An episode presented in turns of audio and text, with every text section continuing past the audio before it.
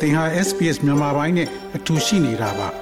sbs.com.au/burmese မှာပုံမထူးခဲ့တဲ့သတင်းစာမားတွေကိုရှားဖွေပါ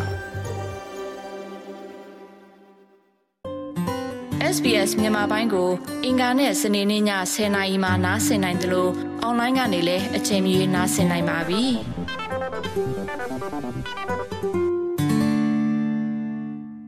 အော်တိုဘာ29ရက်ကစတင်ခဲ့တဲ့တစ်တုံညာနှစ်ခွန်စစ်စင်ရေးကြီးဟာရပ်ပေါင်း 20 ဝန်းကျင်ကို ရောက်ရှိလာခဲ့ပါပြီ။စစ်စင်ရေးစတင်ရာဒေသ ရှမ်းမြောက်အပါအဝင် ကရင်နီကရင်ကချင်စကိုင်းမြန်မာနိုင်ငံအနှံ့မှာစစ်ကောင်စီရဲ့တပ်စခန်းရာချီနဲ့မြို့အချို့ကိုသိမ်းပိုက်နိုင်ခဲ့တယ်လို့အဖွဲ့အစည်းအသီးသီးကထုတ်ပြန်ထားကြပါတယ်။ ဒီလိုသိမ့်ပိုက်ပြီးတဲ့နောက်မှာတော့ဒေတာတွင်းကိုပိုင်အုပ်ချုပ်ရေးစနစ်ကိုလည်းတပြိုင်နက်တည်းဖွဲ့စည်းဆောင်ရွက်သွားဖို့လိုတယ်လို့တက်ကြလှုပ်ရှားသူတွေနဲ့နိုင်ငံရေးလေလာသုံးသပ်သူတွေကဆိုကြပါတယ်။တအောင်းလွတ်မြောက်ရေးတပ်မတော် TNL ကတော့စစ်တပ်အာဏာသိမ်းပြီးနောက်ပိုင်းမှာ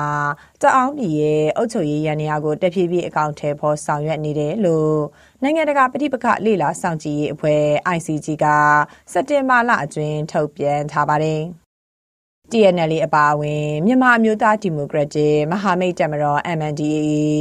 ရခိုင်တပ်တော် AA တို့ရဲ့တစ်တုံညာနှစ်ခွန်စစ်စင်ရေးမှာတော့ရှမ်းမြောက်ဒေသကချင်းရွှေဟော်ဖောင်းဆိုင်ကျုကုန်းပန်ဆိုင်မြို့တွေနဲ့စစ်ကောင်စီတပ်စခန်း130ကျော်ကိုသိမ်းယူနိုင်ခဲ့တယ်လို့ထုတ်ပြန်ထားပါတယ်။ သိမ့်ပိုက်ရယူထားနိုင်တဲ့နေရာတွေမှာလည်းကိုပိုင်အုပ်ချုပ်ရေးတွေတိစောက်ဖို့အသင့်ဖြစ်နေပြီလို့တောင်မျိုးသားလွတ်မြောက်ရေးတမတော်ဒုဗိုလ်မှူးကြီးတာအိုက်ကျော်ကဆိုပါတယ်။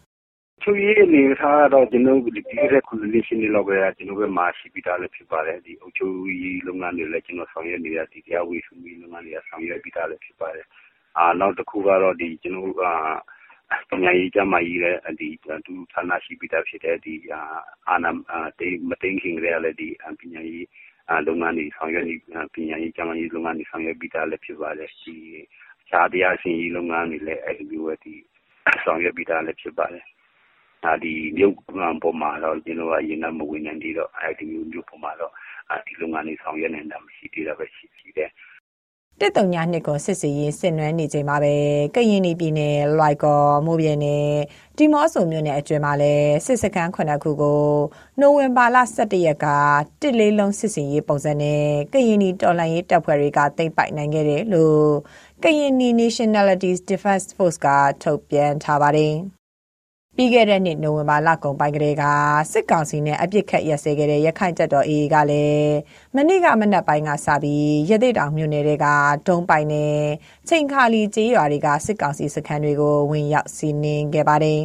။တိုင်းရင်းသားလက်နက်ကင်တွေနီတူမြန်မာနိုင်ငံအလဲပိုင်းညာဒေသမှာလည်းစစ်ကောင်စီရဲ့တပ်စခန်းတွေကိုဝင်ရောက်တိုက်ခိုက်မှုတွေဇက်တိုက်ဆိုသလိုရှိလာပါတယ်။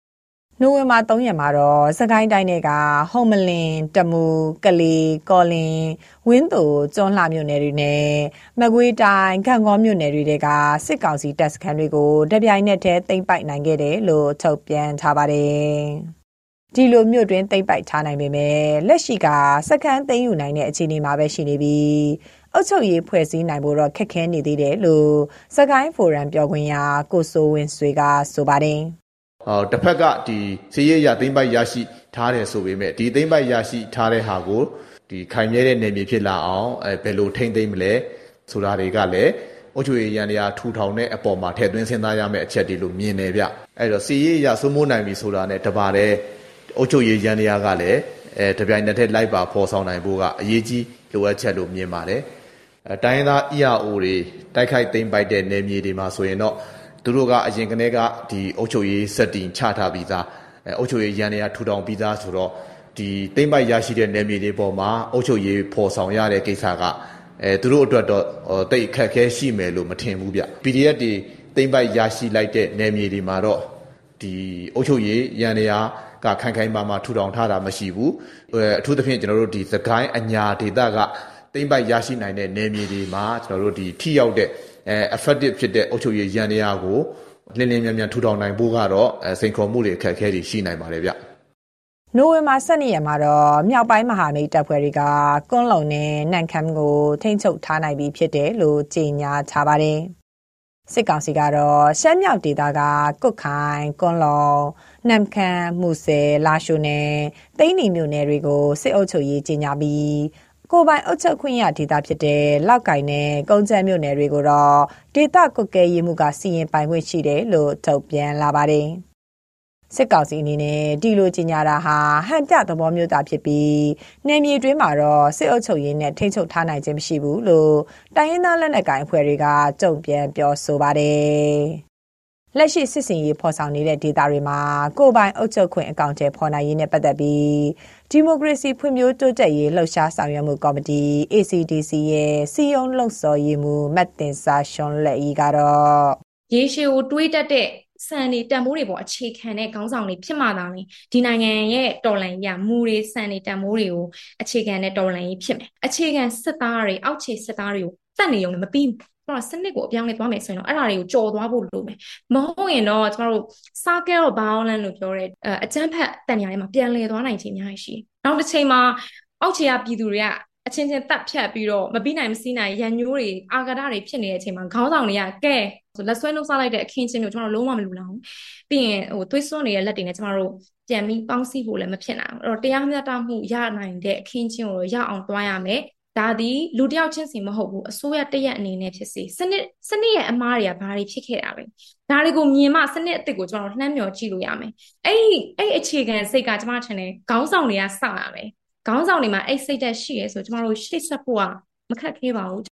အာနာသိမ်းပြီးနောက်ပိုင်းစစ်ကောင်စီရဲ့ထိုးစစ်ဆင်မှုကိုရင်ဆိုင်ကြုံတွေ့နေရတဲ့ကရင်ပြည်အနေနဲ့လည်းဇွန်လ6ရက်မှာကရင်ပြည်ဂျာကာလာအုပ်ချုပ်ရေးကောင်စီ IEC ကိုဖွဲ့စည်းခဲ့ပါတယ်။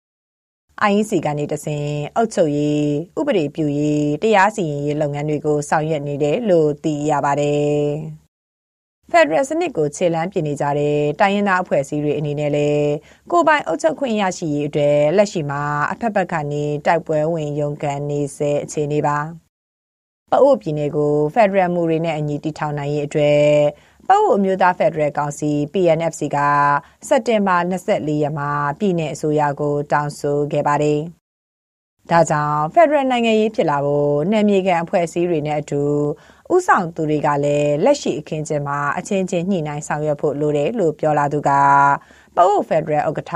ဥခွန်ထွန်မြင့်ပါအခုကတော့ကျွန်တော်ဆရာနာစနစ်ကိုချိန်မုံကြီးဖြစ်တယ်အဲ့ဒီချိန်မုံတဲ့ကာလအာ တော့ဒီဆရာနာရှင်စနစ်လောက်ကြပါဘူးခုနဖွဲ့စည်းပုံအခြေခံဥပဒေရေးဆွဲတာကတော့ဒါကတော့မိမိတို့ရဲ့ဒါမိမိတို့လူမျိုးလိုက်ဒေသလိုက်ရဲ့သိကြနိုင်ပေါ်ပေါ့နော်ဒါနိုင်ငံရေးကိစ္စတွေဖြစ်ပါတယ်ဒါကျွန်တော်တို့ကအခုကတော်လိုင်းရေးကိုရှင်းလွှဲတာဖြစ်တဲ့အတွက်တော်လိုင်းရေးအဖွဲ့အစည်းအချင်းချင်းကြားမှာတော့ဒီကိစ္စရတာဒါကတော့ကျွန်တော်လက်ခံကြည့်ဆိုပြီးပူပေါင်းဆောင်ရွက်ကြမှာဖြစ်ပါတယ်သို့တော်လည်းပဲနေပြည်တော်လို့ပြောရမှာပြည်သူစစ်တို့နဲ့ကြားတော်တဲ့ဆိုတာကတော့ဒါစစ်ကောင်စီရဲ့လက်အောက်ကအဖွဲ့အစည်းဖြစ်တဲ့အတွက် ဒီစစ်ကောင်စီရဲ့လက်အောက်ဟိုပူးပေါင်းဆောင်ရွက်တာတွေအဖွဲ့အစည်းတွေဖြစ်တဲ့အတွက်ဒီဟာကတော့ကျွန်တော်တို့ညှိနှိုင်းဆောင်ရွက်ဖို့တော့မလိုပါဘူးအာနာရှင်တွေရဲ့ဖိနှိပ်မှုကြားကနှစ်ပေါင်း60ကျော်ကြာပြည်တွင်းစစ်မီးအရှင်ကိုလက်ရှိຫນွေဦးတော်လှန်ရေးတိုက်ပွဲဖော်ဆောင်မှုကအဆုံးသတ်ပေးနိုင်ဖို့ပြည်သူအများစုကမျှော်လင့်နေကြတာပါ ဒီလိုမျှော်လင့်ချက်နဲ့အတူကိုပိုင်အုပ်ချုပ်ခွင့်တွေနယ်မြေပိုင်းခြားတတ်မှတ်မှုတွေနဲ့ဖက်ဒရယ်စနစ်ဖော်ဆောင်နိုင်ရေးဟာလည်းတွင်တွဲပါလာဖို့စောင့်ဆိုင်နေကြတဲ့အချိန်ကာလတစ်ခုလို့မှတ်ယူထားကြပါတယ်။နှစ်ပေါင်းများစွာကျင့်သုံးလာတဲ့စစ်အာဏာရှင်စနစ်ကိုခြုံငိမ့်ပြီးကိုပိုင်အုပ်ချုပ်ခွင့်ရရှိနိုင်ရေးဟာတိုင်းရင်းသားပြည်သူတွေအတွက်တော့အလိုချင်ဆုံးဆုလက်တစ်ခုဖြစ်တယ်လို့ပြောဆိုထားကြပါတယ်။နိုင်ငံရေးလေလာသုံးသပ်သူဦးတန်းစိုးနိုင်က စစ်ကောင်စီစခန်းတွေကျွန်တော်တို့ဖယ်ရှင်းပြီးတဲ့နောက်ပိုင်းမှာအဲ့ဒီဒေသမှာအုပ်ချုပ်ရေးတရားဥပဒေစိုးမိုးရေးအတွက်ကျွန်တော်တို့ဖွဲ့စည်းပြီးဖွဲ့ကြတာဖြစ်ပါတယ်။ဥပဒေပြီးရေးဆိုတဲ့ကိစ္စတွေလုပ်နိုင်မှုအတွက်သက်ဆိုင်ရာပြည်내ဖွဲ့စည်းတွေကဖွဲ့စည်းလိုက်တဲ့နော်အနေထားအောင်မှာရှားစီဆုံးဖြတ်ရေးပညာရေးကျန်းမာရေးအဲ့လိုဖွဲ့စည်းတွေက ဒေသလိုက် ကျွန်တော်တို့ ဖွဲ့စည်းလှုပ်ရှားလျက်ရှိပါတယ် စစ်ကောင်စီကို အပြတ်တိုက်ပြီးတဲ့နောက်ပိုင်းမှာ ဒေသလိုက် ကိုပိုင်အုပ်ချုပ်ရေး ထူထောင်ရေးအတွက် အမလီအဖွဲ့အစည်းတွေဖြစ်တယ်လို့ ကျွန်တော်ယူဆပါတယ် အဲ့တော့ အဲ့ဒါတွေအားလုံးက ဒီစစ်ကောင်စီရဲ့စီးလှုပ်ရှားမှုကိုမှုတွေကိုတန်တပိတ်ဆို့ပြီးတဲ့နောက်ပိုင်းမှာ ဒေသဆိုင်ရာ Federal စနစ်တွေ ကိုယ်ပိုင်အုပ်ချုပ်ရေး ထူထောင်မှုအတွက် အခြေခံ unit တွေဖြစ်ပါတယ် အဲ့ဒါတွေအားလုံး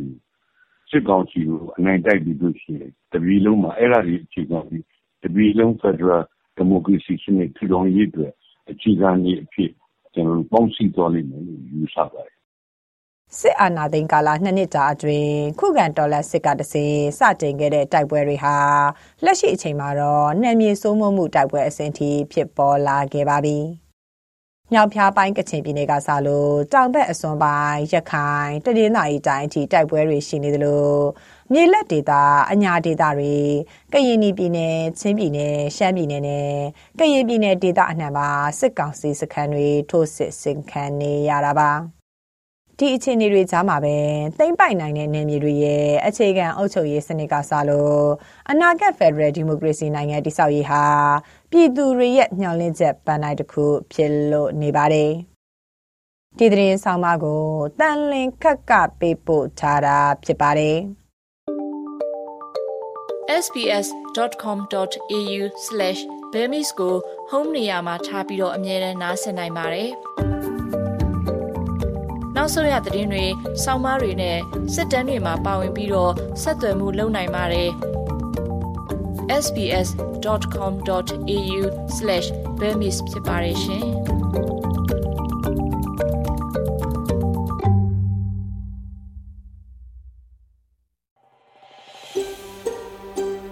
။ဒါမျိုးသတင်းဆောင်မာတွေကိုပိုနားဆင်လိုပါလား Apple Podcast Google Podcast Spotify တို့မှာ သင်ပင်ရာဖြစ်ဖြစ်ရယူတဲ့ podcast ကနေပါ